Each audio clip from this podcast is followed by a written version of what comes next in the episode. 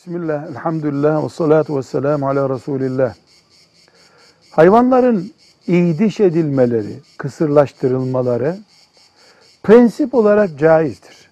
Hayvana işkence olmayacak bir yöntemle yapılmalı ve bu bir makul gerekçeyle yapılmalıdır. Nedir makul gerekçe?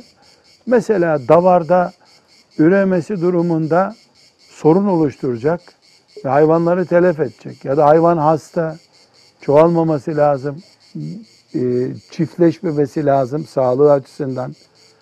Bu gibi nedenlerle hayvanlar kısırlaştırılabilir. İnsanın kısırlaştırılması gibi bir suç değil bu.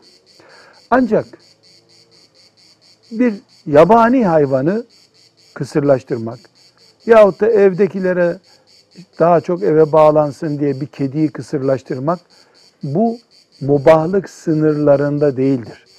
Çünkü evde besleyeceğiz, zevkimizi tatmin edeceğiz diye keyfi olarak bir hayvana eziyet etmektir bu.